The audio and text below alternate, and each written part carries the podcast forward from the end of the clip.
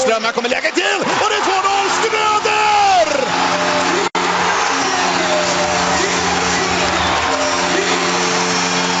Och stället går bananas! Fullständigt! Gälleräven Center jublar!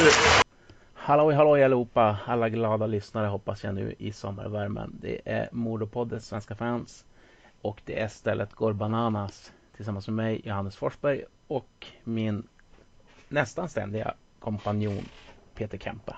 Hur står det till Peter? Jo, men det är bra. Det, som du säger i sommarvärmen så idag har det varit nästan för varmt. Ja.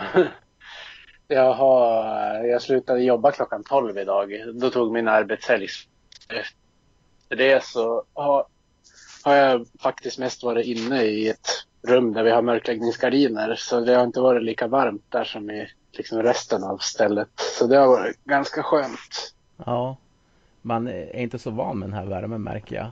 Eh, idag har det varit typ runt nästan 25 grader i skuggan. Det måste vara ja. typ den varmaste dagen eh, under den här sommaren. Man märker att man inte var, man blir ja. ganska degig och trött och svårt ja, att sova. Ja, men precis. ja, och sen har ju vi två, alltså idag, den enda dagen som de inte har velat vara ute. Så det säger ju en del. Ja. Det är för varmt för att de ska ligga ute. Annars brukar de ju ligga ute och gassa i solen ett tag innan de kommer in. Men inte ens en liten stund idag. Nej. Nej, men eh, vi får passa på att njuta så mycket vi kan och, och, det är inte så mycket värme vi brukar få. Vissa somrar så blir det ingenting alls. Nej, och eh, man, man får väl eh, tänka på hockey en sån här gång, eller vad säger du? Ja, det känns bra faktiskt. Det känns riktigt bra att få tänka på lite hockey. Eh, vi spelade in, eller vår senaste podd kom ut den 7 maj. Vi är lite osäkra själva när vi spelade in den dagen innan eller hur det såg ut. Idag är i alla fall den 15 juni kan vi säga. Eh, när vi spelar in måndag kväll. Och vad har hänt sen vi spelade in sist? Ska du dra en liten resumé? Mm. Eh, jag jag nämner det som står med på Elite Prospects här som rykten. In, inte, inte någon klar transfer, men ett eh, rykte är Edvin Hedberg som ju också har tränat med Modo Hockey. Mm. Och det, det är väl så länge han tränar med klubben så är det väl inte allt för omöjligt att det faktiskt ska kunna bli någonting av det där. Eh, det, det känns ju som en, en, en trolig värvning som skulle kunna tänka sig att spela i Hockeyallsvenskan också. Han har väl inte, inte riktigt fått till det i SHL när han har varit där hittills. Så det kanske skulle vara ett bra steg för honom att ta i karriären. Mm. Men ingenting är ju klart som sagt, så att man ska ju inte räkna in honom. Nej, precis. Um, Någonting som däremot är klart är ju att Frank Corrado har anslutit till laget. Ja. Är det någon spelare du känner till sedan tidigare? Uh, nej, inte så att jag kan säga att jag har sett honom spela. Jag känner ju såklart igen namnet eftersom att jag har spelat vartenda NHL-spel som har kommit ut sen jag tror det är jag tror det var 93 som var den första jag spelade. Mm. Så han har ju passerat där några gånger som man har läst namnet. Men hur han är som spelare, det har jag inte koll på. Nej, nej inte jag heller. Ehm, det som också har hänt är att Johan Forsberg har lagt skridskorna på hyllan. Vi får tacka Johan mm. för året i Modo. Jag hade gärna sett han ett år till. Ja, visst. Det känns som en spelare som inte bara har bidragit med sitt jävla namn och jobb på isen utan det känns som en skön karaktär utanför också. Mm. Det kanske blir svårare att ersätta det än att ersätta hockeyspelaren. Ja. Det ligger nog mycket i det. Eh, ja. Någonting som har hänt ytterligare det är att Modo har landat sin huvudtränare. Nu får du rätta mig om jag har fel här Peter, men han kommer från Pelicans har jag för mig. Han fick ju sparken därifrån. Ville Nieminen? Uh, ja, det, det, stämmer väl. I... Liga. precis, vintersidan. November 30 står det. Uh, har du någon koll på... Ja, det är väl dumt att fråga om du har koll på Ville Nieminen i och för sig. Uh, han, han, har ju en, han har ju ändå haft en hyfsad hockeykarriär som spelare. Ja, som spelare känner jag mig till honom. Men uh, som hockeytränare känner jag verkligen inte till honom. Jag tycker att det är lite kul på det sättet att han går ju från Pelicans, eller han fick ju sparken där och går till Modo och från Modo till Pelicans går Ika Kangasniemi och eh, Bartosak. Ja, precis. Det är lite roligt. Uh, men uh, en sak som, som, jag såg inte när han presenterades, men jag pratade med en, en gammal arbetskamrat förut mm. som höjde ett varningens finger för att han, det är knappt så han pratar engelska. Han pratar finsk-engelska. Ja. Jag såg eh, presskonferensen och eh, ja, man förstod ju vad han sa, men jag var ändå förvånad med tanke på hans ganska gedigna NHL-karriär att engelskan inte var bättre. Ja, lite eh. grann så. Sen såg jag framför mig också intervjuerna med Jon Häggqvist och eh, Per Hägglund. ja. Vilken trio i engelska som ska ja. Verkligen. sammanstråla där. Men han verkar vara en trevlig kille. Eh, sådär. Men det är klart, det är alla när de kommer ny till en klubb. Sådär. Men han har ju ganska mycket prat har väl varit kring hans utåtagerande personlighet. Ja. Ja, precis. För tankarna till ju... Pelle Bäckman. Ja, eller som någon annan som jag läste, Andreas Johansson. Ja. Någon tyckte han påminde lite om honom. Ja, precis. Jag har att din personliga bakgrunden har jag lite sådär tveksam. Eh, ja. Vi får se om din hund har rätt. men jag tänkte, eh, någonting jag tänker fråga våran gäst idag som jag tänkt på med Ville Nieminen är ju att han är ju, har varit i finländska ligan ganska länge, eller hela sin tränarkarriär tror jag. Mm. Eh, och den är ju så pass mycket mer defensiv än den svenska. Behöver vi vara orolig tror du att Modo blir mer defensivt lagda i år? Mm. Ja, jag vet inte riktigt vad man ska förvänta sig att han ska komma in med för, för spel i, i årets Modo faktiskt. Eh, eftersom att han har varit borta i Finland där man det går ju knappt ens att se en hockeymatch från Finland i Sverige så vitt jag vet. Så Nej. det är ju svårt att hålla på sådana saker. Ja, jag går mest utifrån vad jag läst. Det är många duktiga, skickliga spelare som har gått från Sverige till Finland men eh, vänt hem igen efter ganska, ja, ibland inte ens ett år. För att eh, ligan har varit för stängd och defensiv. Ja. Så att de har inte kommit till sin rätt som i svensk hockey. Nej, och sen är det ju en, eh, en liga där de inte har eh, upp och nerflyttning heller. Och det kan ju också göra att det kanske blir liksom en speciell situation. Ja. När ett, ett lag ligger på, ja men, de kanske har en liten bit kvar upp till slutspel bara. Men de ger upp säsongen och skeppar iväg spelarna istället. Mm. Det kan ju göra att det blir liksom extra svårt för de som kommer dit från ett annat land. För det kanske är dyrare spelare också som de vill sälja iväg. Ja. Och där är väl kanske en förhoppning som vi kan ha. Det är ju på Patrik Karlqvist. Uh, ja. Lagom till ett eventuellt att det drar ihop sig. Mm. Därför att laget han gått till är ju inte något bra lag sport. Nej, precis. Vi smätte Modo dem på försäsongen i fjol. Ja, det gjorde de. Jag tyckte namnet kändes bekant på, på ett annat sätt än de andra finska lagen gör. Ja. Men eh, vet du vad Johannes? Mm. Nu, nu vet ju jag att det är egentligen du som programledare idag. Men jag tänker vi har ju en, en eh, kille som vi skulle kunna fråga om hur Ville Nieminen vill spela hockey. Ja men du, då tycker jag att vi gör det. Ja. Jo, mm. och det är tur att vi har ju en väldigt intressant och spännande gäst idag som vi är jätteglada att ha med och det är ju Modos general manager eller sportchef Fredrik Lader. Välkommen! Tack så mycket! Och vi tänkte att vi skulle ställa den frågan direkt till dig nu. Kring rekryteringen av Ville Nieminen och hockeyn som Modo ska spela.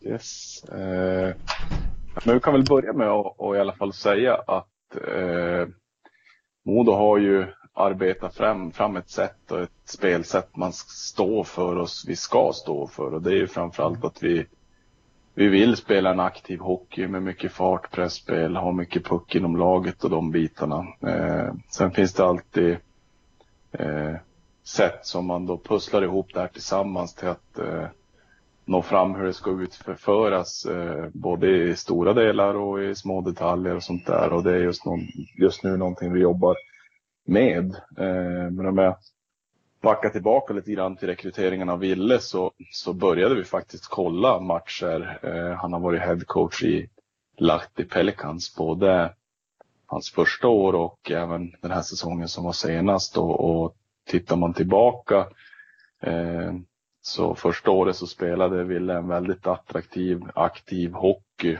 Eh, som, som vi faktiskt också, jag och Urban var över till Finland och fick se den här berömda passiva hockeyn som, som folk kan prata om. Eh, så vi varit lite, lite förvånade också på det sättet, men eh, positivt för oss då och där också någonstans det fattades att vi ville gå vidare med Ville och träffa och prata med honom. Och, eh, därefter så har, har vi eh, otaliga minuter i telefon där vi har pratat allt mellan himmel och jord, eller på att säga, och framförallt ishockey då. Eh, Eh, och där någonstans har det som utkristalliserat sig mer och mer eh, till att han kom på ett besök hos oss och fick en bild över vad Modo står för och hur vi vill, vill att Modo ska spela hockey med det jag sa just med, med fart och, och aktivitet och, och, kreativitet i form av att ta puck. Eh, och det någonstans går ju hand i hand med vad Ville också känner och han är ju någonstans också i början av en ledarkarriär eh, där han också vill lära sig hela tiden nya saker. Eh, och sen att få kunna få in han som en headcoach tillsammans med, med Per och Urban som, som eh, har eh, rutinen ifrån Modo så att säga. Och, eh, tillsammans så, så ska vi försöka nu då ut, utkristallisera exakt hur vi ska gå tillväga på det stora, på, eller till det stora hela att, att uh, utföra på isen. Eh, men jag tror inte att det kommer vara någon, det är ingenting som, som kommer kastas om eh, speciellt mycket så folk kommer bli chockade över hur Modo spelar utan vi står för det och det är någonting föreningen äger. Mm. Eh, och det är det vi, vi eh, tycker att det går hand i hand tillsammans med Ville eh, efter att båda har sett hans lag spela. Vi har haft eh, mycket snack tillsammans. Jag har även pratat, pratat med ledare som har varit med, han spelare som har haft han. Så att eh, mycket pekar på att eh, det är en väldigt, väldigt intressant eh, eh coach vi har fått hit. Mm. Det ska bli jättespännande. Jag tänkte bara eh, ställa en liten följdfråga eller bara en reflektion som mm. ni får fundera på både du Fredrik och, och Peter. Men, eh, är inte det här någonting som man har saknat i Modo under en väldigt lång tid? För att tidigare har man ju som Ja, men vi har haft otroligt många olika tränare i Modo bara de senaste tio säsongerna. Eh, och mm. hockeyn kan ju ha varit radikalt annorlunda från en säsong till den andra beroende på vilken tränare det är som har kommit in. Eh, att man nu sätter en struktur för hur man vill spela hockey. Mm. Jag tror att du, du är precis inne på det där. Eh, att, jag menar att man, man som förening eh, sätter ett sätt man vill spela på och att det då givetvis ska gå hand i hand med, med tränare som, som kommer hit. För att föreningen kommer alltid stå kvar och, och vi ledare kommer eh, bli utbytbara med åren. Men någonstans så är det att eh, det är någonting som föreningen och och själva regionen eh, har fostrat fram så fina och bra spelare genom alla år så, så, så står de ju för någonting och det är ju framförallt kreativitet och fart i, i mångt och mycket. Det är någonting som ska, ska vägleda oss fram till, till framgång tillsammans den här närmsta tiden också. Mm. Det är en sak som jag har tryckt på i någon krönika och så här tidigare att det har tagit ett tag för Modo att hitta sin identitet som förening. Det var ju även så liksom de åren som man fortfarande var kvar i SHL. Nu känns det faktiskt som att ni har hittat ett fungerande sätt ända från VD och den sportsliga ledningen och ända ner till spelarnivå. Alltså det känns som att Modo som förening mår, rätt bra just nu. Ja, Min verkligen. reflektion. Ja, men verkligen. Och jag tycker också jag kan säga som har sett Modo utifrån vid ett fåtal tillfällen tidigare har ju väldigt lite kött på benen att hur det har styrts eh, för, för eh, x antal år sedan. Men det jag märker i alla fall att det, det någonstans har eh, rätats upp på den här organisationen och framförallt med, med styrelsen och Johan Widerbro i spetsen har gjort ett otroligt, otroligt bra jobb tillsammans med den här organisationen.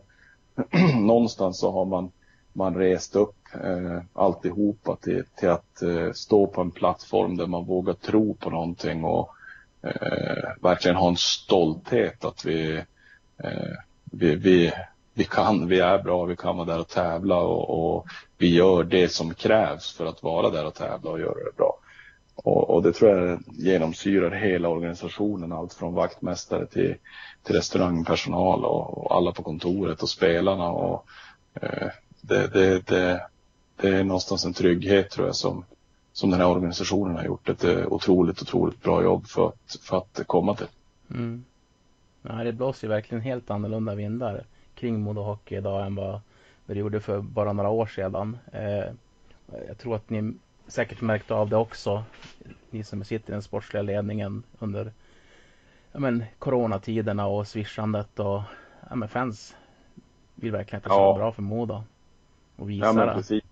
Ja men absolut och man känner ju oerhört stor kärlek eh, till, till klubben och till, till oss som jobbar eh, i den dagliga verksamheten. Och, eh, den är otroligt värdefull för spelare och, och personal på, på arenan och, och få känna den stöttningen. Och, eh, det, det är ju, det ger oss också en eh, extra energi verkligen. Att man, man, eh, man, man även som i alla yrken kan man ha dåliga dagar men, men när man har de här tuffa dagarna ibland som kommer så, så kan, tänker man ofta lätt tillbaka på, på hur mycket energi man får utifrån och då, då, eh, då drar man gärna på smilbandet Mm. eh, och, och gräver ner och kör ännu hårdare. Och samtidigt så har ju, som jag sa tidigare, Johan med, med styrelse och organisation skapat en, en, en trygghet på något sätt att jobba eh, inom klubben. Och, och den, den har ju visat sig vara väldigt framgångsrik eh, på alla plan och det, det, det är vi glada för. Mm.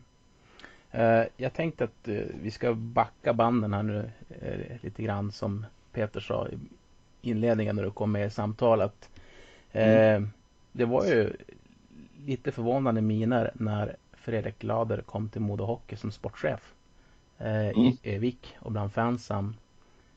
Och vem är Fredrik Lader egentligen? Om man berättar lite grann om din hockeybakgrund och ja, men vart du kommer ifrån. Vi vet ju om din framgångsrika tränarkarriär. Eh, men lite mer bakom den eller innan den. Ja, precis. Eh, jag är faktiskt eh, född uppe i Malmberget i Norrbotten. Jag bodde där tills min, min bror kom in på hockeygymnasiet i Luleå då vi flyttade ner dit och där spelade jag själv hockey ända fram till juniorålder egentligen och då, då eh, sökte man ju som, som alla andra in på, på eh, hockeygymnasium och, och kom inte in då på hockey med, i Luleå utan jag kom in som reserv. Eh, och då, då känner man den här klassiska grejen som många känner som inte kommer med kanske i TV-pucken eller på ett hockeygymnasium etc. Att jaha, ja, är det bara hitta på något annat här i livet så då kände jag att jag ville prova på vingarna och flytta hemifrån och gå gymnasiet någon annanstans. Och då flyttade jag faktiskt till Vilhelmina i Västerbotten där jag blev kvar under ja, nästan sju års tid. Eh, men fortsatte spela ishockey där på division 2 eh, nivå. Eh, det tog mig senare också ut i, i övriga, eller på att säga inte världen, men i alla fall i, liten, ute i Europa där jag bor till Belgien och spelade bland annat. Och var i Norge och spelade hockey och även i, IFK Täby, division 1 eh, och eh, bor och Vetlanda och sen efter det så några år på flykt så kände jag väl att eh, man ville börja röra sig hemåt igen och man hade levt lite i en kappsäck när det gäller hockeyn utan det var ju nästan som hockeyn som styrde en runt men, men jag var ju på de nivåerna så att jag kunde inte heller livnära mig på, på just ishockeyspelandet utan fick alltid ha eh, något halvtidsjobb vid sidan om och sådär och då kände jag att nej, nu är det dags att flytta hem och eh, 2004 flyttade jag tillbaka till Luleå och, och spelade ett år till där eh, innan jag la av och, och började som tränare eh, i Luleå. Började på, på A-pojksnivå. eh, då eh, och, och har jobbat där i, Luleå Hockey under många år som tränare i A-pojkarna och jag tror det hette J17 tidigare, hockeygymnasiet. Eh, och sen sedermera också på, på, eh, på damlagssidan men har även varit eh, sportchef och tränare på division 1 nivå för herrar också i Kalix och eh, även i Luleå Rebels. Så att eh, har varit verksam inom, inom herrhockeyn eh, på division 1 nivå och, och inom Luleå Hockey där jag har gjort många år då. Mm. Så det är väl lite en lång historia kort. Det Peter, lät, du... in, lät intressant med Belgien. Kan du inte berätta lite om det? Ja, alltså jag kommer faktiskt så väl ihåg, det var faktiskt Gunnar Svensson här. Eh, det är väl också en modoit i grunden va? Eller från Svedjeholmen tyckte jag för mig han sa han var. Han har gått bort här i vintras. Mm. Ja, Ja. precis. Som hjälpte mig dit då. Eh, och spelade i Antwerpen. Eh, där jag, när jag kom ner då fick, eh, ja men jag vet inte hur gammal jag var, kan jag ha varit 22 kanske? Eh, 20, ja strax vid 20 var jag. Kom ner dit. Eh, skulle bo med två slovaker som knappt kunde engelska och eh, bodde som i utkanten av några kvarter som inte var så, så roliga utan vi fick inte gå ut efter tio på kvällen och sådär.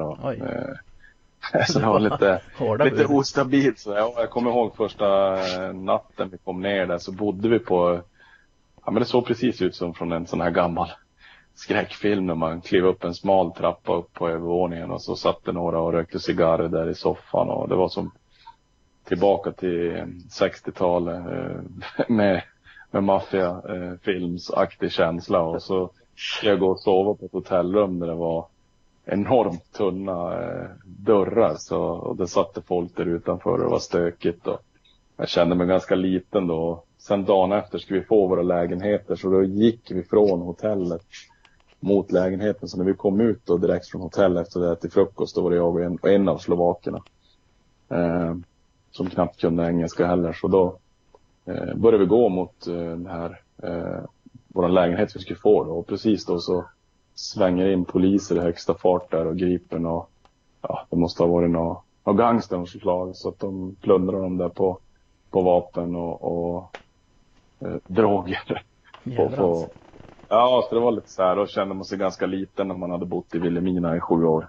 Så Ja, att man var, så man hoppade direkt in i en Hollywoodfilm och det, det Eh, låter ganska sjukt. Det- Ja, det var, det var faktiskt en liten suspekt upplevelse kan jag väl säga. Eh, Men, men eh, jag fullföljde inte heller säsongen där utan jag kom hem och så eh, skrev jag på mig i IFK Täby och jag kände mig, det var ganska ensamt. Jag var Mm. enda svensk. De utlänningarna som vi hade var två slovaker som, som knappt kunde svenska, och, eller engelska menar jag. Och, eh, sen var det en rysk målvakt eh, vars, jag tror eh, pappa var diamanthandlare då i, i, i Antwerpen, Antwerpen där. Så att, det var väldigt, väldigt speciellt. Jag kan väl säga att man, man, man fick långtråkiga dagar där i och med att man inte jobbade någonting heller. Utan man, det är väl enda gången man har levt på hockey fullt ut och utan att ha ett jobb. Men det har varit lite långtråkigt. Ja. det lät lite Det speciellt. låter låter som ett kapitel i en biografi det där. Ja, det kändes som så också när man var med. Så det, många upplevelser. Jag vet vi var bland annat, tror jag, var, vi var och spelade en träningsmatch i Holland. Eh, och det är ju, det är ju helt annan kultur vad det gäller eh, droger och sådär. Eh, och då kände man, jag kommer ihåg, det var nog eh, det var några uppspelare mitt under matchen och blåste av och hon stod och rökte bakom målet och det var ju värsta sötdoften så här. Fick de ropa gick i basen. att ni får inte stå och röka bakom målet, backa härifrån då. Så det var lite, lite roligt så sådär i efterhand när man tänker på det. Var, var, var det några fyllda läktare med, med hejaklack och sånt där? Eller hur var hockeykulturen? Ja, men alltså själva hockeykulturen var väl ganska, den var ju givetvis jätteliten, men den var ju som ändå, arenan vi hade var, det var inte så mycket läktare ute, det var som tvådelat och sen hade de eh, inomhus som restaurang och eh, VIP-yta så att eh, ja, mycket stora företag och det var ju alltid så här obligatoriskt efter matcherna så det var inte att man joggade ner och, och åkte hem och sov utan det var alltid att man skulle upp i och träffa huvudsponsorerna och mingla med dem direkt efter matchen. Och som svensk är man alltid van att ja, men man bäller i sig lite vatten eller tar någon shake eller sådär och där kom materialen in med, med någon, någon ölback eller sånt där. Och, men, så det var lite kulturkrock kanske varför man inte trivdes heller så, så himla väl det varit ganska ensamt och, och, det var lite andra kulturer. Nu idag tror jag det är helt annorlunda där nere men, men det här var ju slutet på 90-talet. Mm. Men om man ser då din, din resa när du fortsätter från, eh, från Luleå till Mor då. Hur gick, hur gick kontakten där? Vem var det som tog kontakt ja, men, med dig och hur, hur får hända? Ja, grejen var att eh, jag sökte nog faktiskt eh, porträttsjobben när, när Micke Sunden fick det. Mm.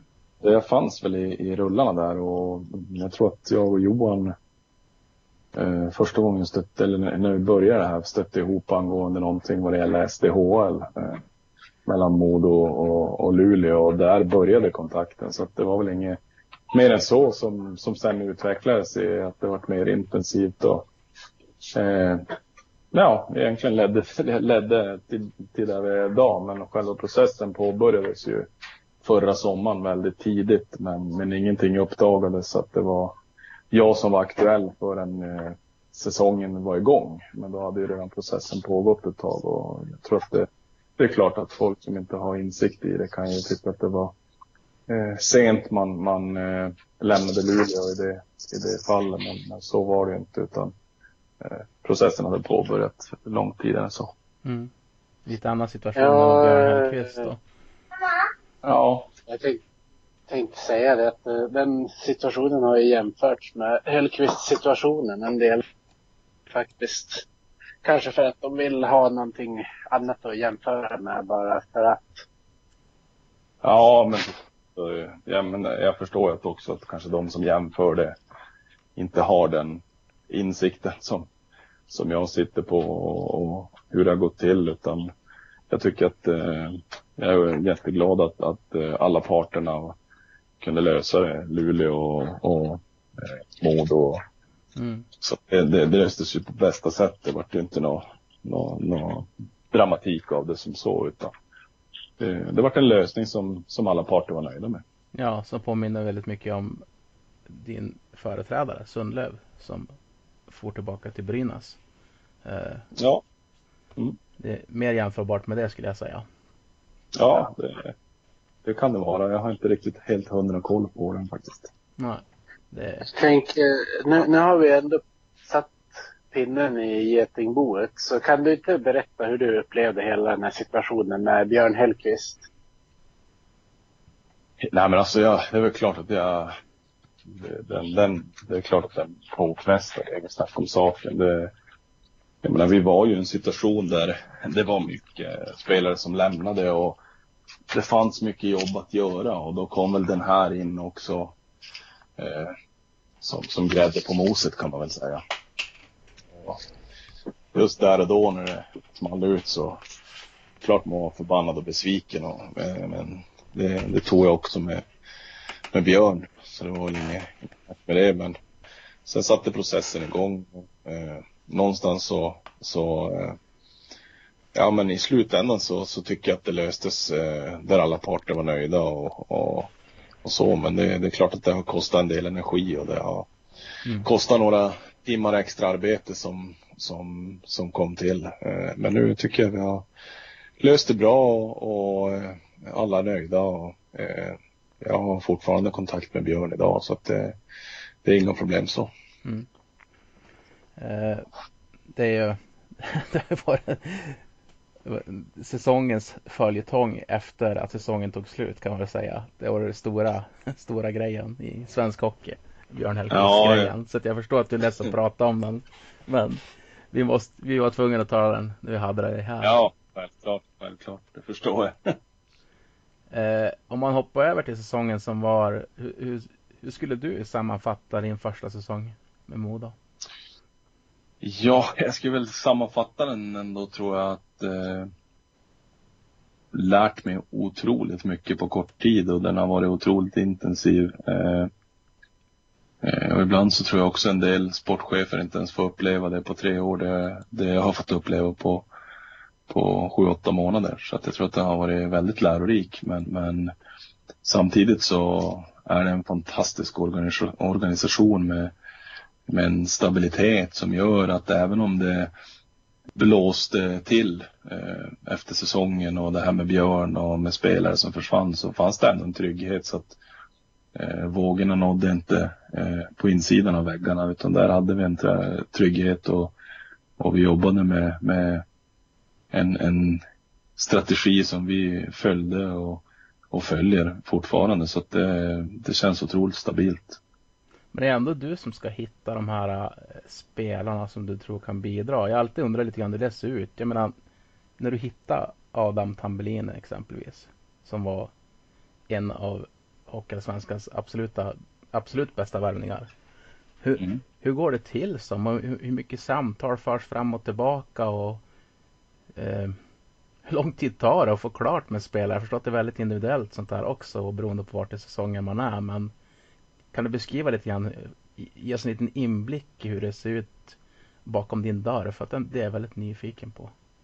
Nej men det blir ju som så att eh, när Adam kom in så, så fick man ju en wow-känsla direkt över just när man tittar rent statistiskt och hur det ser ut, hur han har presterat, hur, vart han har spelat och alla de här bitarna. Och sen börjar man eh, grotta ner sig i de arbetsverktyg vi har att använda i form av video eh, scoutingprogram som vi, som vi jobbar efter och sen är det mycket samtal som förs med NHL-scouter och, och, tränare och, eh, och även till och med så att jag, jag pratade med, med spelare som hade spelat med han, eh, bland annat Robin Kovacs som jag känner sedan tiden i Luleå och mm. de som spelar, svenska spelare som jag spelat med han i, i, i AHL. Eh, i övrigt. Så att, eh, och det var bara goda vitsord eh, om han och många var nästan samstämmiga att har ni chansen att få han, ta han.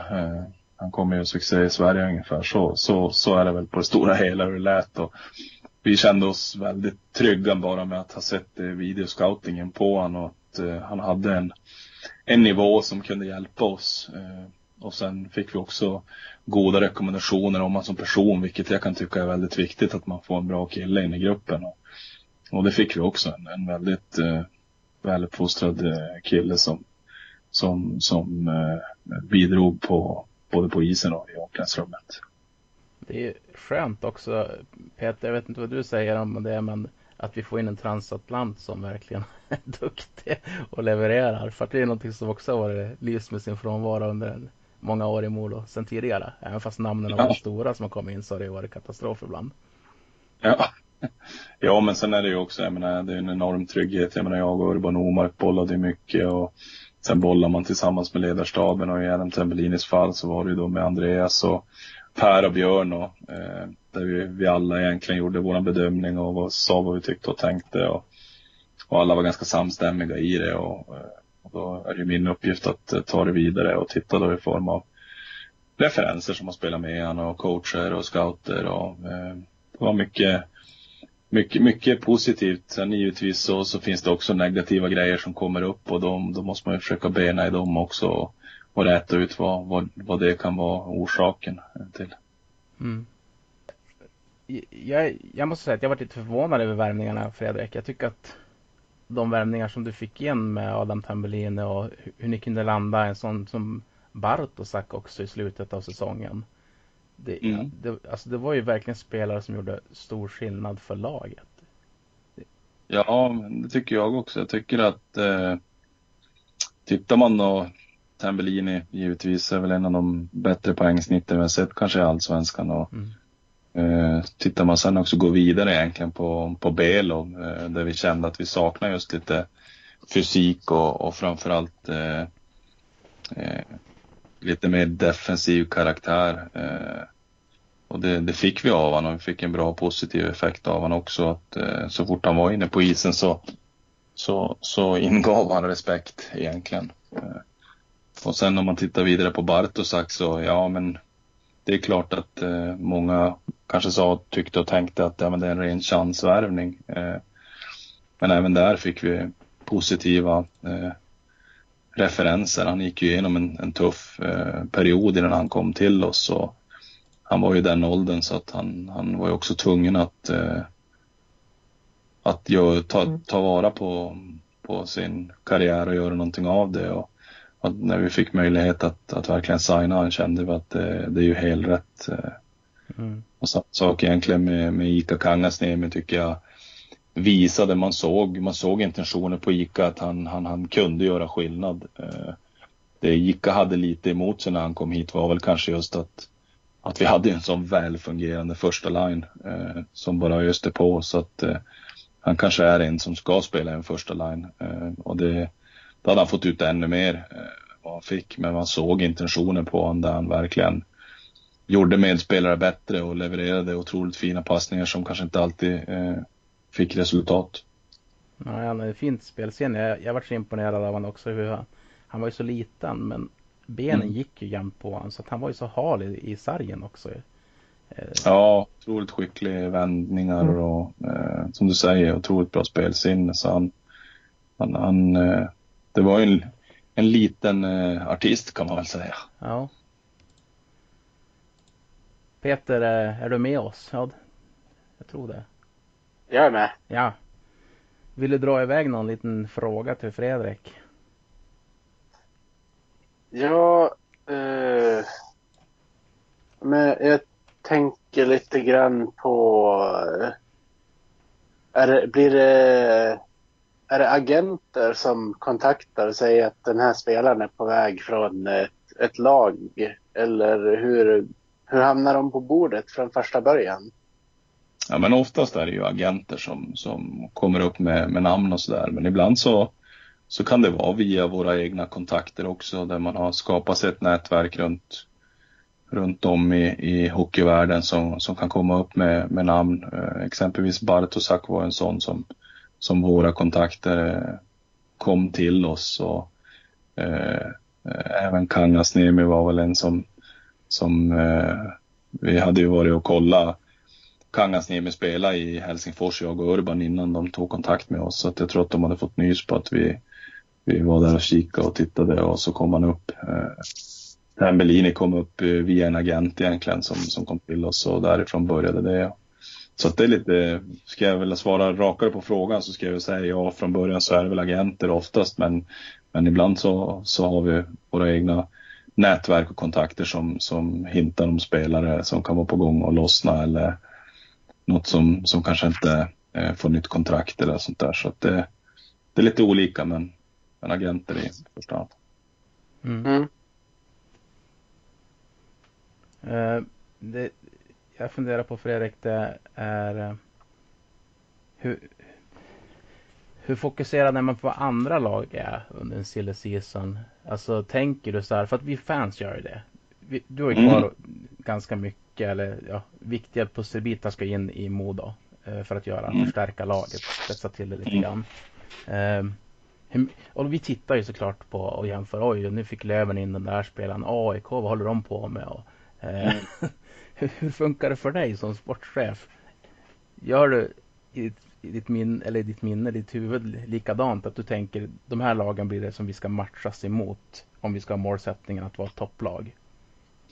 Eh, man vet ju ganska klart innan vilka lag det kommer handla om nästan även, även om Timrå inte hade presenterat sina så förstod man att Timrå skulle vara eh, ett av lagen som kommer slåss om det också. Eh, och jag tror inte att jag, jag kan inte på något sätt styras av vad varandra värvar för då, då börjar man kanske gå på känslor utan vi, vi håller oss till en strategi och det var lite grann det vi pratade om från början med det här att ett sätt som Modo vill spela hockey eh, på. Då, då gäller det också att hitta spelare som, som passar in i det som man, man verkligen hoppas, tror ska kunna ta en extra växel i, i våra miljö och, och mm. man inte, jag, jag styrs inte på det sättet att eh, eh, Löven signar någon det är nästan så att jag höll på att säga har så dålig koll på vilka vad motståndarna signar utan eh, man jobbar så intensivt ut efter vad vi, vad vi behöver inför spelare och sorterar ut därefter. Och det finns ju spelare i, i våra motståndarklubbar som, som vi har tackat nej till. Då, och, så att det, det, det, det, det, är inte så att jag påverkas av, av vad de värvar och, och tar in utan vi jobbar efter vårat eh, sätt och det, det tycker vi känns tryggt. Ja, det, som toppklubb måste man ju ha den approachen också tänker jag. Man måste ha ett eget självförtroende och så får det vara vi fans som går på känslorna till höger och vänster. Ja, men precis. Och det, men det är ju samtidigt också ganska kul att, att, att fansen gör det. För det, det, det är ju ett engagemang och jag förstår också att det är så. För att man har inte alla, eh, man har inte insikt på det sättet utifrån eh, vad vi diskuterar och vad vi gör varje dag. Och det är klart att det, då helt plötsligt så kanske vi pres presenterar en, en jättebra spelare där man går igång på och så kanske Björklöven smäller ut ett gäng spelare och medan vi har spelare klar men vi väljer att inte gå ut med det och då, då kan det ju lätt bli att man blir känslostyrd när man, man håller på ett lag och eh, har förhoppningar och sådär det, det är väl en charm i sig som, som, som fan och supporter. Eh, men, men eh, vi som jobbar med det kan inte låta oss bli känslostyrda på det sättet utan vi måste jobba ut efter det vi tror på och våra verktyg vi har. Vad är anledningen att man håller en spelare ibland som redan är klar? Är det att man väntar in rätt eh, läge marknadsmässigt att presentera?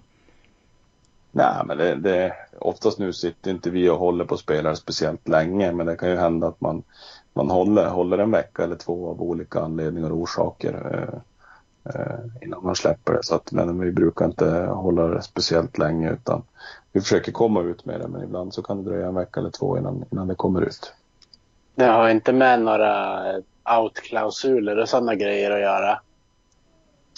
Nej, inte direkt utan det kan, det kan handla om en civil situation och det eh, kan handla om andra orsaker som gör det och det kan handla om tids, tidsperspektiv också från från våran sida. Och, eh, så att det, det är lite olika anledningar men det, det är väldigt sällan några klausuler som styr det på, på det sättet. Jag måste säga, och jag måste ge lite cred där, eller lite, ni ska få cred, eh, tycker jag. För att eh, ja, men den här säsongen som har varit, den är ju eh, ganska unik. Du nämnde att du har fått lära dig mycket saker som, som många, på kort tid, som många får kanske flera år behöver på sig. Men jag tror jag skulle säga att det alla ni som är sportchefer har en unik situation med tanke på pandemin som har förstört säsongen och sen när Hockeyallsvenska finalen avslutas som den gör också, hockeyn läggs ner eh, så är det egentligen otroligt mycket tråkigt som händer för oss supportrar med Modo. Eh, mm.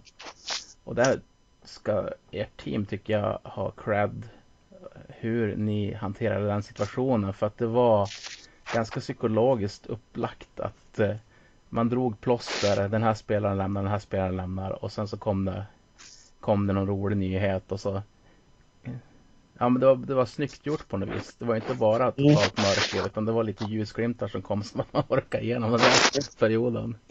Ja, ja men det, så där kan jag väl också tycka ibland. Jag menar vi, vi pratar inte heller avdelningarna sådär sinsemellan på, på, på Modo om exempelvis eh, spelare som är på gång in och så. Så det är väl klart att ibland vissa gånger när det, när det blir som det blev nu, nu den här och jag tror inte det hade varit någon skillnad om vi inte hade klarat det sportsligt heller. Eh, det hade inte varit någon, någon skillnad. Det hade varit lika många som lämnade då men då kan det också kanske kännas jobbigt för vissa som kanske jobbar på marknad eller vad man gör. Att ja, men shit vad det lämnar spelare.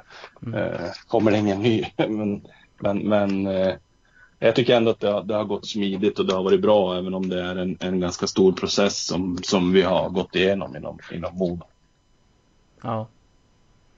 Eh, vi ska nämna det också att de, många av de här frågorna du får Fredrik, det, det är från Twitter, från fans Ja. till Modo. Ja, Eh, kul. Och Peter, jag, jag tror vi aldrig har fått så många frågor inför en podd. Nej, vi har väl varit duktigare att marknadsföra den här gången också. Men det är väl klart att när de fick reda på att Fredrik skulle vara med så då passade de på att ställa de här frågorna via oss. Ja, Ja, Men eh, Fredrik, jag måste passa på att fråga också. Hur många Elite Prospect Scouter har du blivit taggad av på Twitter med potentiella värvningar till Modo? ja men det, det, det händer väl, eller jag får säga. Varje vecka där de kommer med sina tips och, och idéer. Och vissa är jättebra och vissa överensstämmer kanske inte riktigt med, med det, det vi eh, jobbar ute efter. Så att, eh, men jag tycker det är kul. Det, det är engagemang eh, från folket där ute vilket glädjer en att se att man, man verkligen vill eh, Modos bästa i, i alla lägen. Och det, det, det händer titt som tätt att det kommer. Mm.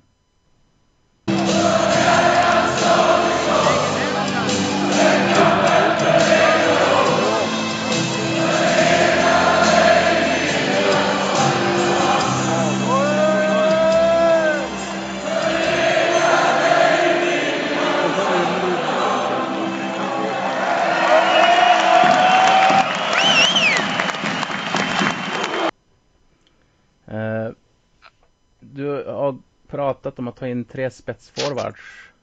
Eh, en kedja helt enkelt. Mm. Eh, och då pågick väl en dialog med Johan Forsberg också. Letar ni en ersättare till honom nu när han har aviserat att han lägger ner hockeyn?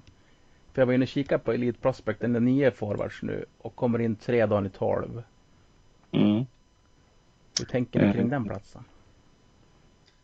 Ja, men eh, när släpper ni den här podden för frågor? Eller vill du att vi ska släppa den? I, i, eh, släpper ni den på torsdag eller fredag då kan jag prata öppet. Ja, då, då lovar vi att vi kan göra det. Ja, eh, jag har signat eh, en ersättare till Johan Forsberg idag kan man väl säga. Eh, åt det hållet. Så att eh, det känns väl ganska tryggt att vi får in en, en ersättare till han. Eh, som, som eh, det är givetvis, alltså Johan är ju en fantastisk människa. Jag har ju, eller jag säga, jobbat ihop med honom både i Luleå och här så jag känner honom väldigt väl sedan många år tillbaka och en otrolig lagspelare och ledare och vi hoppas att vi kan genom att ha, ha signat den här killen då, en yngre kille som, som eh, ska kunna få växa i det och, och, och kan få eh, ja, utvecklas i, i Modo många år framöver. Mm. Roligt. Eh, lite grann om, om Johan bara. Vi kan väl hylla honom lite grann eftersom han har slutat Mm. nu. Eh, en säsong i Modo som gjorde avtryck. Peter, du var inne på det tidigare. Du kanske vill ta det kring hans personlighet och Ja, alltså jag tänkte på... För, för det första så var han ju en, en spelare den gångna säsongen som ledde genom sitt jävla namma och genom att alltid göra jobbet. Men jag kan tänka mig att, hans, eh, att han är en ännu större bidragande person utanför isen. Det känns som en sån kille. Ja men det är verkligen en ledare som, som en jätte, jättefin personlighet först och främst och otroligt fina värdegrunder som människa och dessutom är den som verkligen kör, eller jag vill säga hårdast av alla, visar vägen både på, på isen och i gymmet och vid sidan av. Eh, sen sen eh, tycker jag att eh, han, han står också för någonting som, som kan visa ungdomar att det går att lyckas med hockey. Eh, även om ingen tror på det, på att säga. Mm. Det har verkligen gjort. Han har ju slagit sig fram med armbågar och kanske beskriver det ibland emellanåt att han är väl den enda som har trott på det själv och, och har lyckats. Eh, Så det är klart att det, det kommer vara en, en person som är saknad trots att han bara hade en säsong i Modo. Ja, Ja, jag hade Ja. gärna sett han eh, en säsong till men man måste respektera hans beslut också. Att han känner sig nöjd. Då är det, då är det det man får hylla hans karriär Ja, sen- istället. Sen tror jag också Johan känner att kroppen också börjar ta stryk. Jag menar det är inte många som vet om att han spelade från slutet av eh, serien och eh, båda matcherna mot Löven med, med brutna revben. Eh, det är inte många som vet det. Okej. Ja, och till och med någon av matcherna var utan bedövning också. Så att eh, det är Herregud. en, det är en Vilken- riktig häfte kan jag säga. Vilken Och du fighter. såg inte på, ja, du såg inte på honom så att eh, man såg emellanåt när han grimaserade men ändå ett leende på läpparna och vek aldrig ner sig eller på något sätt utan han körde sitt race eh, med och utan bedövning. Ja. Sen tycker jag generellt sett så är vi ju rätt dåliga i Sverige på att gratulera en hockeyspelare till en bra karriär när de har slutat. Mm. Men det, det vill vi verkligen göra. Gratulera Johan till en fin hockeykarriär. Ja, Ja, verkligen. Absolut. Eh, en, en otroligt fin hockeykarriär som han har som jag tror han är också otroligt stolt över själv. Det ska han vara. Så att, eh, ja, jag är oer, oerhört glad som har fått eh, korsa mina vägar med hans och eh, förmodligen också kommer ha kontakt med honom i framtiden vid sidan av hockeyn. Mm. Mm. Det finns en fråga här från Twitter. Eh, jag misstänker att man är lite orolig för, för nyförvärven. Ska, ska du sluta spela paddel med dem? Ja, eh, eh, jag vet inte om jag törs ta med de nya spelarna. Vi har ju spelat några gånger. Mikkel hängde, hängde med. Då var jag, jag och Sylle och Olhaver och Dakell bland annat. Och de höll ihop så att eh, jag vet inte om jag törs bjuda med de nya spelarna. Så när jag var hemma i Luleå någon sväng också. Eh, eh, där eh, var det en kompis till mig som, som drog sönder någonting direkt efter helgen efter jag och Mikkel hade varit. Och, så det var lite roligt nu senaste var, helgen var jag hem i, i Luleå också. Så spelade jag med eh, Joel Lassinantti och Isak Lundeström och dem. Så jag tror de, de var lite oroliga att spela, spela med mig. De klarade Jag, jag såg det, jag tror jag nämnde det i någon podd som jag sett tidigare. Att, att du försvarar nyförvärven egentligen. En liten paddelskada så gör de, blir de helt ointressanta för SHL. Om. Det som man behöver inte Ja, fundera så. Ja men precis, vill inte SHL flytta den här eh, transferfönstret här som, som ställer till det när det blir en sån underlig säsong så får man försöka hitta på andra underverk för att behålla dem. Då blir det pa, pa, paddel med grader. Precis, padel med glader så då, då är de inte intressant för SHL-klubbarna sen. Ja. Eh, är det okej om vi tar några frågor till? Hur ser det ut för dig Fredrik? Ja, det är lugnt, inga problem. Vill du dra någon Peter? Ja, jag vet inte vad ni hann med när jag inte var med, men eh, jag tänker den här processen när man bygger ett lag både för SHL och Hockeyallsvenskan samtidigt. För det antar jag att man gör när man har uppflyttning som ett mål oavsett hur säsongen slutar. Mm. Alltså hur, hur är det att göra de sakerna parallellt med varandra? Det är klart att det är, det är ju ett eh, det är otroligt eh, tufft jobb på det sättet att det krävs ju dubbelt så mycket än att bygga ett, ett lag för en liga. Men, men det handlar ju först och främst att man vill knyta upp och det vi har och det som finns hos oss eh, till att börja med. Så att det är det man utgår ifrån och sen så får man väl se lite grann då vad som vi känner att vi behöver spetsa till med i, i, i de respektiva serierna. Och sen har du ju en till aspekt som när det gäller allsvenskan är att när det går bra för ett lag så lyckas man inte ta sig upp. Eh, så, så får man ju oftast en, en reaktion på det i själva lagbygget i form av att spelare lämnar. Och då får man ju då kan man ju ha skrivit ett kontrakt eh, med exempelvis som, som vi gjorde med Norlinder där han, hade vi gått upp så hade han stannat kvar och eh, då lämnar ju han eh, när, när givetvis då när, när, vi, när vi inte fick spela SHL. Då, då, då får man bygga därifrån också. Mm. Ja. Det, det, ja, det är en lite lurig situation men samtidigt så är den också väldigt tillfredsställande så jag gör ju gärna det än att sitta och bygga bara, bara ett allsvenskt lag utan jag jobbar gärna med, med dubbla spår och där har ju både Omark och den ledarstaben som var varit otroligt värdefulla med om man kunde ha input och man har en diskussion och eh, ett bra samarbete tillsammans och, eh, för att hitta spelare. Hur, hur var det då när, när Hellqvist eh, slutade eh, och eh, ni höll på med rekryteringen? Var det svårt mm. att hålla kontakten med agenter och liknande? Vart Modo mer intressant på marknaden eller fanns det fortfarande ett intresse? Man visste att Modo är det många som vill spela för. Ja, alltså den har inte förändrats. Alltså, alltså den här Björn Hellkvist-affären har inte förändrats hur, hur agenter och spelare ser på Modo utan eh, Modo har ett varumärke som de har byggt upp eh, och är starkt eh, eh utan Björn också. Mm. Så att det, det, har inte påverkat utan jag tror snarare att de, de också eh, självklart agenter har ringt och frågat hur det går och eh, om man förmedlar att ja, men vi, vi, vi jobbar ut efter det här och vårt spelsätt eh, kommer i grunden se ut liknande. Så att eh, då känns det också en trygghet för dem att de, att de hör att vi har en strategi som vi följer och jobbar efter. Så att eh, det, det är värre om, om en sån situation händer och, och man sitter och säger jag vet inte vad vi ska göra. Då är det klart att det blir en osäkerhet. Men nu visste vi vad vi ska göra och vad vi ska jobba efter och inte eh, ryckas med på någon, någon storm som jag sa tidigare att vi, vi var ganska trygga innanför de alla väggarna och, och hjälptes åt och, och, visste hur vi ville ha det. Ja, det är så otroligt viktigt att föreningen äger hockeyn som man ska spela. Precis, precis. Hade, det varit gamla tider det hade det varit kört. Ja men exakt, det, det är rätt att man kanske rycks med och det, i den här tränarrekryteringsprocessen så kände jag också att eh, Eh, vi, vi, vi jobbar, alltså vi ska jobba efter, efter det vi tror på.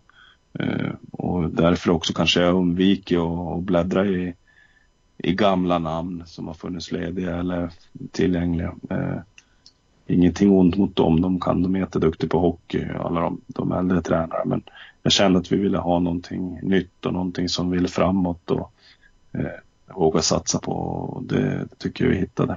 Mm. Det finns ju en fråga som vi har fått från Twitter här också. Eh, Modo har satsat på utländska tränare förut med mindre lyckade resultat i de flesta fall. Eh, varför tror du den här gången blir annorlunda?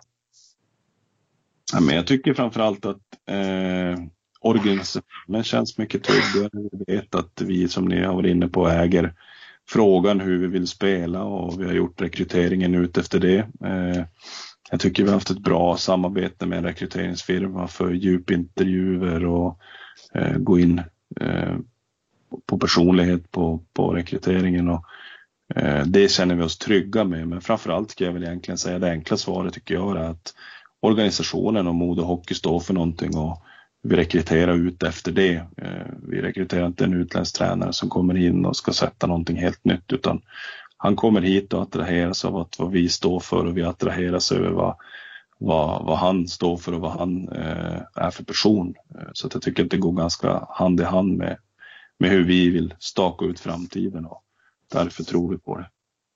Mm. Mm. Eh, följd, följdfråga också. Hur stor del i rekryteringen av spetsspelare kommer eh, Ville Nieminen att ha? Kommer han ha någonting att säga till om?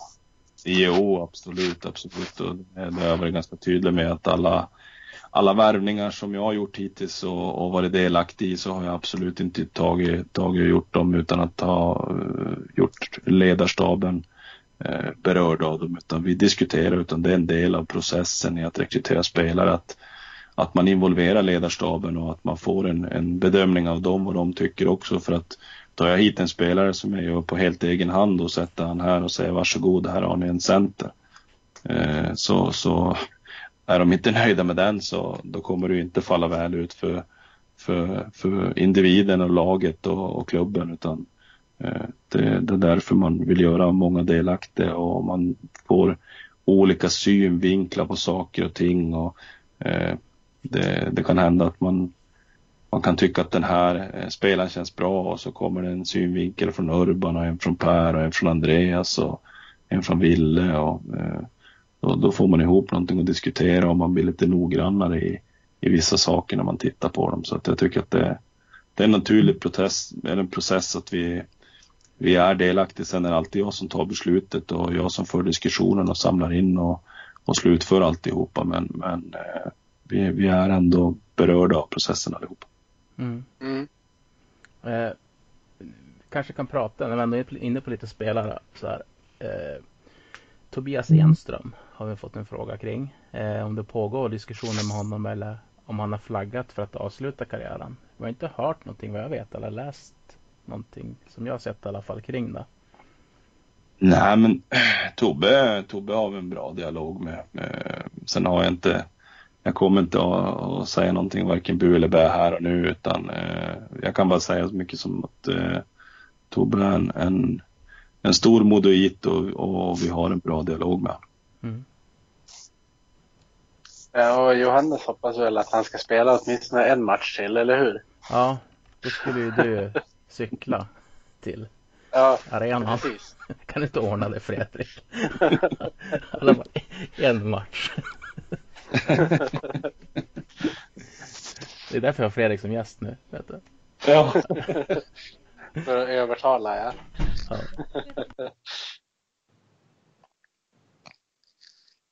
Uh, nej, men jag tänker på ett annat namn som vi var inne på innan Fredrik hoppade in som gäst här. Det var ju att vi pratade om det här ryktet om Edvin Hedberg.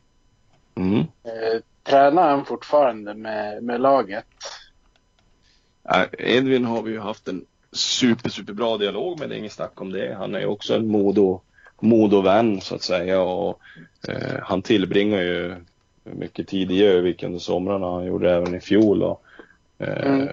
det som öppnar upp att eh, han får, får köra med oss de gångerna han är här bara för att ja, men kunna vilja få köra med ett lag och sådär så att det, det är inga konstigheter med det och sen, sen måste man också ha respekt att eh, han är ju någonstans i sin karriär där han känner att han måste göra ett rätt val för, för vad, vad hans framtid ska se ut och vart, eh, vart han ska eh, ta vägen och utvecklas. Och sen kan ju givetvis eh, vi hoppas att han, att han kommer till Modo. Sen om det blir nu i år eller om det blir nästkommande säsong eller det blir det, det återstår att se. Där, är- där är vi inte helt klara än utan vi för en bra dialog och, och han har möjlighet att få kunna sommarträna och vara med och, eh, när han har möjlighet och när han är här. Mm. Mm. Jag skulle vilja spinna vidare på den och, från Hedberg till, till Bartosak även fast han har lämnat Modo nu. Eh, Mm. Men vi får fortfarande frågor om honom och det är han var ju ganska unik på det sättet att han spelade inte speciellt många matcher men eh, fansen tog ju verkligen till sig honom i sitt hjärta. Alltså, han, han var ju en favorit för jättemånga under den korta tiden han var i Modo. Mm. Som jag förstår det så var egentligen kontraktet på 1 plus 1. Eh, hade vi gått Mm. upp så hade han spelat i Modo. Eh, hur gick dialogen med Bartosak när han slutade? Eh, kan det finnas en dörr öppen i framtiden? Till en återförening? Ja, lite, lite sånt som moditer är nyfikna på.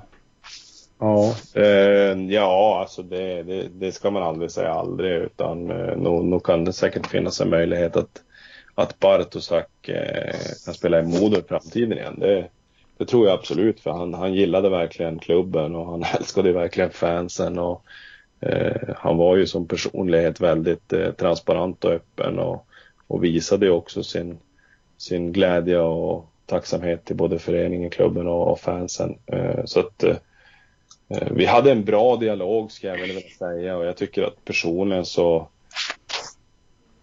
så tror jag att eh, hade man fått eh, stänga ut omvärlden och hade man fått eh, eh, ja, Patrik själv hade tagit något beslut så, så kanske hans beslut hade sett annorlunda ut vad det var men, men nu är det som det är och, och vi kan bara önska han all lycka och jag är jätteglada för att ha han här och eh, sen får vi se vad framtiden ger. Mm. Ja, han var en skön lirare. Det måste, det måste jag Ja. Det var det. En, en färg, färgglad eh, kille faktiskt som, som spred energi runt omkring sig. Ja. Du lyssnar på Modopodden!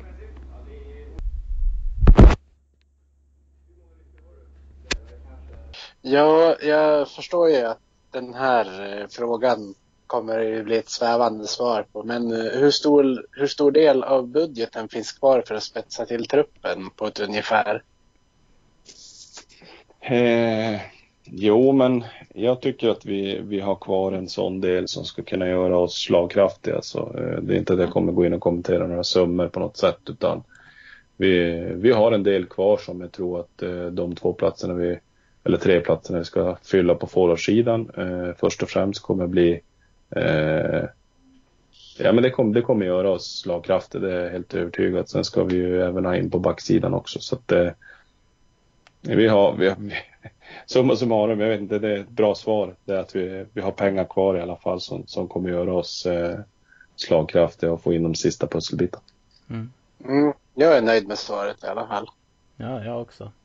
Eh, jag, jag har en liten fråga som inte finns med på pappret men som du kanske kan hjälpa mig med ändå Fredrik. Och det är att målvaktssidan är så otroligt, otroligt viktig i hockeyn. Mm. Jag tycker att det visade sig i fjol också med Kanata som var otroligt bra. I och för sig bakom ett väldigt bra defensivt lag också. Mm. Um, Anthony Peters, det är en kille som jag inte har koll på överhuvudtaget. Vad var det som gjorde att ni fastnade för honom? Framförallt så ska jag säga att det var ju eh, ja, men hans sätt att röra sig. En väldigt eh, bra skridskoåkare i målet, även om man, många kanske blir förvånade när man säger det. Men, men han, han rörde sig bra i målet och har ju en erfarenhet också som, som gör att eh, han var intressant. Men det var ju framförallt det Andreas eh, ligger bakom i, i, i scoutingen på målvaktssidan och det tycker jag Andreas tilltalade eh, det han såg av han. Eh, Plus att han också har fått ett år i Europa nu och vet lite grann vad det innebär att, att spela hockey här på stor rink och Europa framförallt. Så att det, det, det är väl det som gjorde det. Sen förde vi en dialog med honom och pratade med honom och, och fick bra referenser på honom också. Mm. Ja, det ska bli intressant att se honom. Ja, verkligen. Vi, vi, tror, vi, tror, vi tror mycket på honom så jag tror att det kan bli en, en, en riktigt, riktigt eh, positiv överraskning. Eh, men... ren, nyfikenhetsfråga. Eh, Modo har ju en före detta målvaktstränare som är i tyska ligan. Har han varit, varit med och scoutat någonting där? Magnus ja, ja, absolut. Jag har pratat med Mange och vi har fått eh, scouting-rapporter eh, från, från Mange också gällande. Ja. Och så att eh, absolut, han, han har bidragit på, på det sättet han kan bidra på. Eh, så vi har fått mycket inputs på, på olika håll. Där. Mm. Ja, det är bra med ett eget nätverk ibland som du pratade om tidigare. Ja, men absolut. Och sen så har ju Modo ett stort nätverk överlag. Ja, visst. I hockeyvärlden som, som kanske är unikt på, på det sättet som, som man inte kan jämföra sig på samma sätt i kanske där jag kommer från Luleå. Uh, har inte på samma sätt scouter boende på orten och det kontaktnätet som, som finns ute i, i, i världen i form av spelarna som har fostrats och kommer härifrån. Och, så att det, det, det, det är vi glada för. Mm. Ja, det är ju stort att ha. Jag tänker på alla spelare som, som har kvar hjärtat för Modo också som har varit väldigt framstående. Mm. Ja men absolut. Det, det, det, det är stort faktiskt. Det är det. Men då blir det aktuellt med man lånar ut en målvakt. Så man kör ju inte på tre misstänker jag. Utan att... Nej, vi, vi kommer starta på, på två målvakter. Så ja. är det. Så att det, det blir antingen då en, en utlåning eller att, eh, att det blir att någon eh, letar en ny klubb. Det, det får vi se. Mm. Eh, med tanke på coronaläget och allt det här som fortfarande är lite osäkert just nu. Mm. Hur, hur, tror du det kommer påverka dels Modo och dels elithockeyn i stort? Jag vet att det är ett tag kvar till premiär men det låter ju inte som att de vill att det ska kunna vara matcher med publik förrän typ framåt nyår om det inte händer något drastiskt. Ja, men jag tror ju att eh, vi kommer få jättesvårt framförallt i allsvenskan. Det är inte många klubbar som kommer kunna spela helt utan publik och vi har ju inte då det problemet som SHL har som kanske har ett tv-avtal som, som grundar sig ekonomiskt eh, för, viktigt för dem. Eh, så jag tror att vi har en, en situation där att eh, visst, vi kan starta upp ligan om man vet att ja, exempelvis 11 september startar vi upp utan publik och 1 oktober får man börja släppa på publik. Det, det kan jag tänka mig att man skulle kunna göra. Men, men att spela, starta upp utan publik och inte veta när publiken släpps på, det tror jag är omöjligt. Utan då tror jag man får, får skjuta det på det framför sig. Mm. Ja, en positiv grej där det är väl att kontrakten för kommande säsong redan är klara. Att man inte behöver hamna mitt i liksom. Så som de här europeiska fotbollsligorna gjorde till exempel. Det blir ju en konstig situation på det sättet. Ja men precis. Sen tror jag också att vi kommer väl få se en stor inriktning på alla de här fotbollsligorna som drar igång nu runt om i världen. Och, och se hur det går för dem och hur det artar sig. Eh, så att jag tror att eh, det kan väl vi få en liten fingervisning här under sommarens gång vart, vart vi pekar åt till höst. Ja. När vi ändå pratar om, om Hockeyallsvenskan och det är tv-avtal och det är SHL som får mycket mer pengar. Och, eh, jag såg Moras sportchef vara ute idag också kommentera det som hände Karlskrona. Med deras konkurs. Som, som är på gång, verkar det som. De får inte spela i Hockeyallsvenskan. Det är väl klart redan att det är så.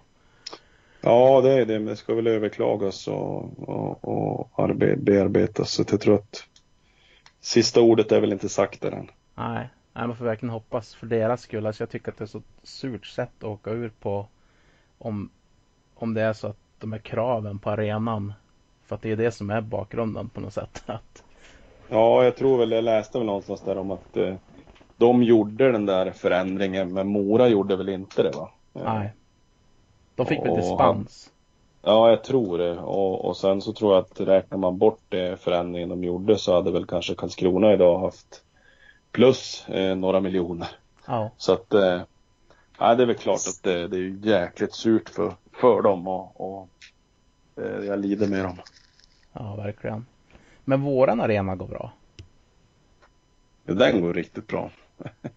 det måste man säga. Det, det är ju en av de finaste arenorna faktiskt i Sverige om man ska säga det så. Eh, med alla ytor som finns där. Och det är en nyckel för att nästan hockeylaget ska må bra. Det är att, man, att arenan inte drar iväg med sådana kostnader så att det blir orimligt. Precis, och det, det genererar ju bra restaurangen och, och alla eh, arrangemang utöver som finns och, och sen den fantastiska personalen vi har som jobbar i, i, i och runt arenan med restaurang och arrangemang och sånt där. Det är, det är de som, som gör att det blir attraktivt för människor att komma, människor att komma dit. Och mm. Det är vi stolta över att ha i, i Modo. Mm. Eh, jag tänker på nu när det har varit såna här varma dagar. Hur har det funkat med fysträningen och det här? Har, har det gått att vara utomhus eller har de fått träna inne? Ja, de har ju kört både utomhus eh, Eh, och, och inomhus i och med att vi tränar i mindre grupper så att det, det har funkat bra. Det har inte varit något problem utan eh, jag tror de tycker det är skönt att vara ute de här dagarna också och få, få lite sol när de tränar. Ja, kan vara skönt att svettas. Så. Exakt. Det tror jag i och för sig de gör ändå, annars är det en ganska tragisk ja, försäsongsträning. Precis, de svettas oavsett. Ja. ja, jag har ju som inga mer frågor på mitt papper just nu. Är det något mer du tänker på Peter? Ja, det är ju... Jag, jag tänker på en fråga. Jag vet att du Fredrik har uttalat det tidigare att Eh, det är en speciell situation att man kanske ska ha lite is i magen och vänta in rätt spetsförstärkningar. Är det eventuellt aktuellt att ha en lite smalare trupp vid seriestart för att förstärka under säsongen? Eh, jag tror så här att vi kommer ju starta serien med 12 forwards. Eh, vi kommer förmodligen plocka in någon till forwards under säsongens gång, men vi vet ju inte när säsongen startar än. Så att, Nej, eh, precis. Se lite hur det blir, men, men, men startar vi som vanligt och utgår ifrån det så tror jag att vi kommer, då startar vi på 12 forwards och sen, sen försöker vi ha ett utrymme till att, att eh, kunna ta in någon eh, förstärkning och eh, Eh, och kunna spetsa till det ytterligare. Mm. Kanske kommer in en Patrik Karlqvist där i slutet av säsongen, vem vet? Ja, man kan väl alltid drömma om det, att, att eh, Patrik vill komma tillbaka men eh, jag önskar han all lycka. Eh, han har ju betytt otroligt mycket för Modo och jag tycker också att det, det är roligt att, att han får chansen att, att eh, göra den här grejen han själv vill också. Så att, eh, men han är alltid välkommen tillbaka, absolut. Ja. Mm. Det låter bra. Eh, han, Ja, han gick ju inte till bästa laget heller direkt. Man får se. nej det gjorde han inte kanske, men, men han kanske kan skjuta upp dem en bit i, i tabellen, det vet man inte heller. Ja, med tanke på hans potential så är det väl inte omöjligt att han kommer bidra. Rätt fint. Nej, Nej, så är det. Men samtidigt också när man är inne på det här med, med 12 forwards, att starta med det och se lite grann vad exakt vi behöver kanske få in. Eh, det kan man ju också se eh, när säsongen är igång och eh, att, man, att man får in rätt spelartyp. Det ger oss, ger oss lite valmöjligheter i att, att göra på det sättet. Mm. Eh, På tal om spelartyper så jag tänker på, ni hade ju Tobias Åström utlånad till Almtuna i fjol eh, och det gick ju rätt bra för han där. Vad har- ni för förväntningar på hans utveckling den här säsongen? Nej, men jag tror att Tobbe först och främst fick den här säsongen allt betytt mycket för han. Eh, Det är en precis en, en sån spelare som är kreativ, kan spela med fart, eh, stå för de delarna vi vill, vi vill spela och vi har ändå, vi har stora förväntningar på, på Tobbe att han ska fortsätta sin utveckling. Men jag tror att den grunden och den möjligheten han fick att gå till Almtuna när vi lånade ut honom där eh, var att han fick bygga på sin erfarenhetsbank och, och nu få komma tillbaka med gott självförtroende och ha en bra sommarträning bakom sig och, och kunna ta, ta nästa steg och vara med och, och, och bidra och leverera offensivt för oss som, som lag. Den sista frågan jag tänker nu, den fick vi faktiskt in på Twitter. Jag tror det var igår. Mm. Eh, kommer det vara aktuellt att ändra matchstället på något sätt och ta tillbaka den här loggan som har varit borta i några år nu? Är det någonting ni har fört någon diskussion om? Eh, jag kan inte, nej, jag kan inte svara på det. Eh, det är väl inte direkt mitt bord det ligger på heller så att det är ingenting jag har hört eh, just nu i alla fall utan jag, jag, jag, har inte, jag har inte lagt ner någon energi och tid på, på just matchställen utan Nej, jag har byggt på annat. Mm. jag förstår att tiden går åt rätt hårt för dig på dagarna nu. Ja absolut det gör det så det är mycket att sätta ihop. Ja, Vi önskar dig stort lycka till med, med det och sätta ihop truppen. Och Mm. det ska bli kul med en ny säsong när den väl kör igång. Verkligen. Mm. Men då tror jag att vi gör så att vi tackar Fredrik Lader, sportchef i Modo Hockey, så jättemycket för att du tog dig tid att gästa oss. Det har varit jättekul att ha dig med. Verkligen. Tack så mycket. Kanon. Tack så mycket för att jag fick vara med också. Jättesnällt att du ville ställa upp. Det uppskattar vi. Ja, men det är roligt att höra. Jag, jag uppskattar att få vara med och, och, och delta också. Då tackar vi också till alla som har lyssnat på podden. Och eh, ja, vi önskar väl en glad midsommar. Därför att podden kommer att komma ut någon gång vid midsommar eller någon dag innan i alla fall. Mm.